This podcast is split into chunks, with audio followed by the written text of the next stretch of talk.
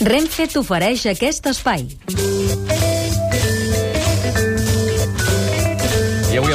Màrius, Lectoràlia, especial llibres 2010. Màrius, amb novetat i quatre recomanacions literàries d'autors catalans. Això mateix, eh, farem un clàssic recull, diguem, de dir què destaquem de- d'aquest any 2010 que acabem de marxar, però abans una novetat que jo crec que era el dia per recomanar un llibre de referència com aquest i ens l'il·lustren els Beatles. A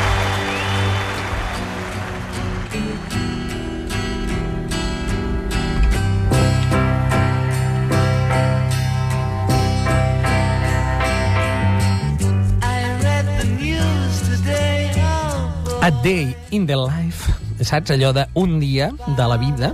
Això és per recomanar un viaje por la historia en 365 dies, eh, que és un clàssic llibre d'efemèrides del Josep Maria Albaigés, que és un autor de referència que molts catalans que ara mateix ens estiguin escoltant li deuen molt més del que s'imaginen, perquè és l'autor d'un dels bestsellers, eh, que és el llibre El diccionari de noms de persones, amb el qual moltes parelles han triat el nom dels seus fills. Han tingut moltes discussions. Molt. I, I potser molts dels que ens s'escolten es diuen com es diuen per culpa d'aquest home, culpa d'aquest home. Que va, va fer aquell Ja ho llibre. saben, li poden agrair o, vaja, o el que sigui. o, o que maleir, sigui. en tot cas. En Joan Maria Albaigés, autor de molts altres llibres, però especialitzat en referència, aquí, amb un llibre editat per Viceversa, eh, fa el clàssic recull, diguem, d'efemèrides. Ell ja ho justifica amb un pròleg dient en l'era d'internet és estrany posar en un paper, però no deixa de, de tenir aquest valor de dir la curiositat. En fi, merament, per fer-ne un tast, et diré, jo he anat el dia d'avui, 29 de desembre,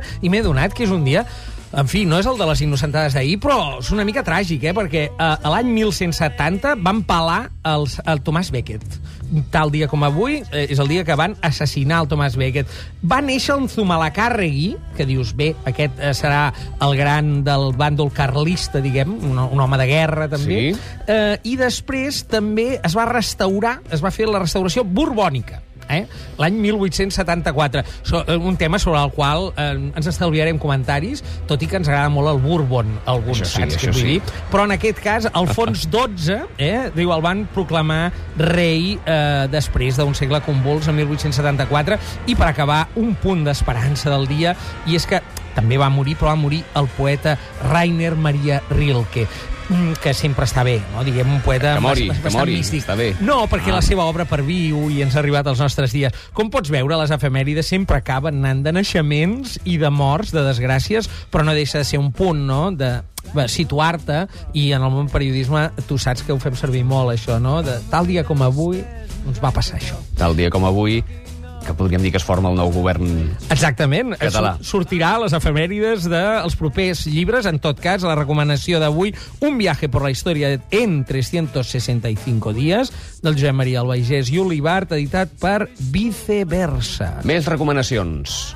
Moshi donna negaide mo Hitotsuka na unonara Posem japonesos, ara? Sí, eh? Ara podria, això podria servir, diguem, per il·lustrar algun llibre japonès, però no. Ja et dic que les quatre recomanacions de l'any te les porto de narrativa catalana.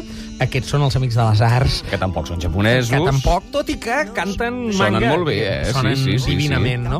Uh, bé, aquest és per recomanar l'únic llibre que no és del 2010, sinó de finals del 2009, però que acaba de ser traduït al castellà ara en una operació que no sempre és tan evident en narrativa catalana. Els jugadors de Whist, del Vicenç Pagès, això ho va publicar Empúries a finals del 2009, i ara mateix acaba de sortir Los jugadores de Whist, en traducció de la Flàvia Company, una altra autora catalana, i pròleg de l'Eloi Fernández Porta.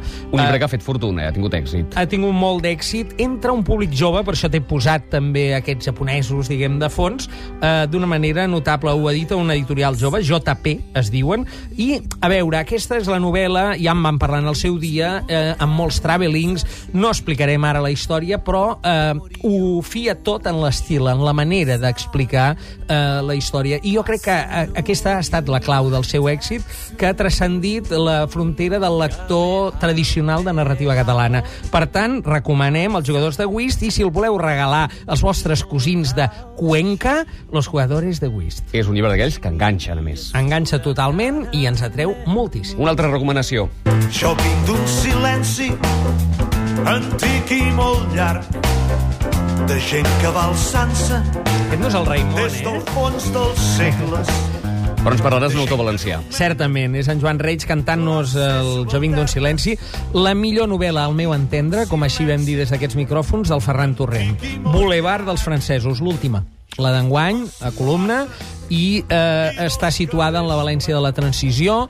Per a tothom qui no l'hagi llegida, una grandíssima recomanació. Trobem el torrent de les trames policíaques amb personatges truculents. Aquesta Barça- el València fosca, eh? eh, totalment, eh? Uns inspectors, eh, diguem, franquistes, com el Rodrigo de la Social, però també entronquen la lluita antifranquista i té un punt de fundària històrica que no solia haver-hi en la narrativa de Torrent. Per tant, Boulevard dels francesos, Ferran Torrent, columna. Tercera recomanació.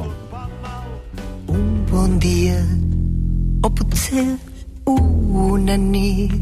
Avui anem de versions, eh? Totalment. La Martirio, amb l'Àguila Negra. Sí que la vam sentir al disc de la Marató. D'aquí l'hem extret. Això és per recomanar un llibre de versions, també. Un grandíssim monument a la llengua catalana. Xocolata desfeta, exercicis d'espill de Joan Lluís. Lluís, l'autor nord-català. Això publicat a la Magrana. I és una versió catalanitzada dels mítics exercicis d'estil de que no. Eh, el Joan Lluís Lluís ens explica de 123 maneres la mateixa historieta. I temps encara per una última recomanació. Maletes perdudes, Jordi Puntí, Empúries, el número 1 d'aquest any, en castellà, a Salamandra. Grandíssima novel·la, road movie total, amb uns camioners que exerceixen per tota Europa durant l'època del franquisme. Una novel·la ambicioníssima. Sí, senyor, gran ambició i ha trobat molts de lectors. Eh, jo crec que és, ens hem de congratular d'aquesta història dels germans Cristof a Frankfurt, Cristof a París, Cristòfor a Londres i Cristòfol a Barcelona. Els Cristòfors! Unes grans recomanacions. Màrius, moltes gràcies, molt bon dia i molt bon any. Bon any nou, bona entrada d'any 11. No siguem enses a l'11. 11. I a llegir molts llibres. Sí, senyor, llegir, gaudir-ne. You know the first time I traveled out in the rain and snow, in the rain and snow. Oh, I didn't have no payroll, not even no place to go. Renfe t'ha ofert aquest espai.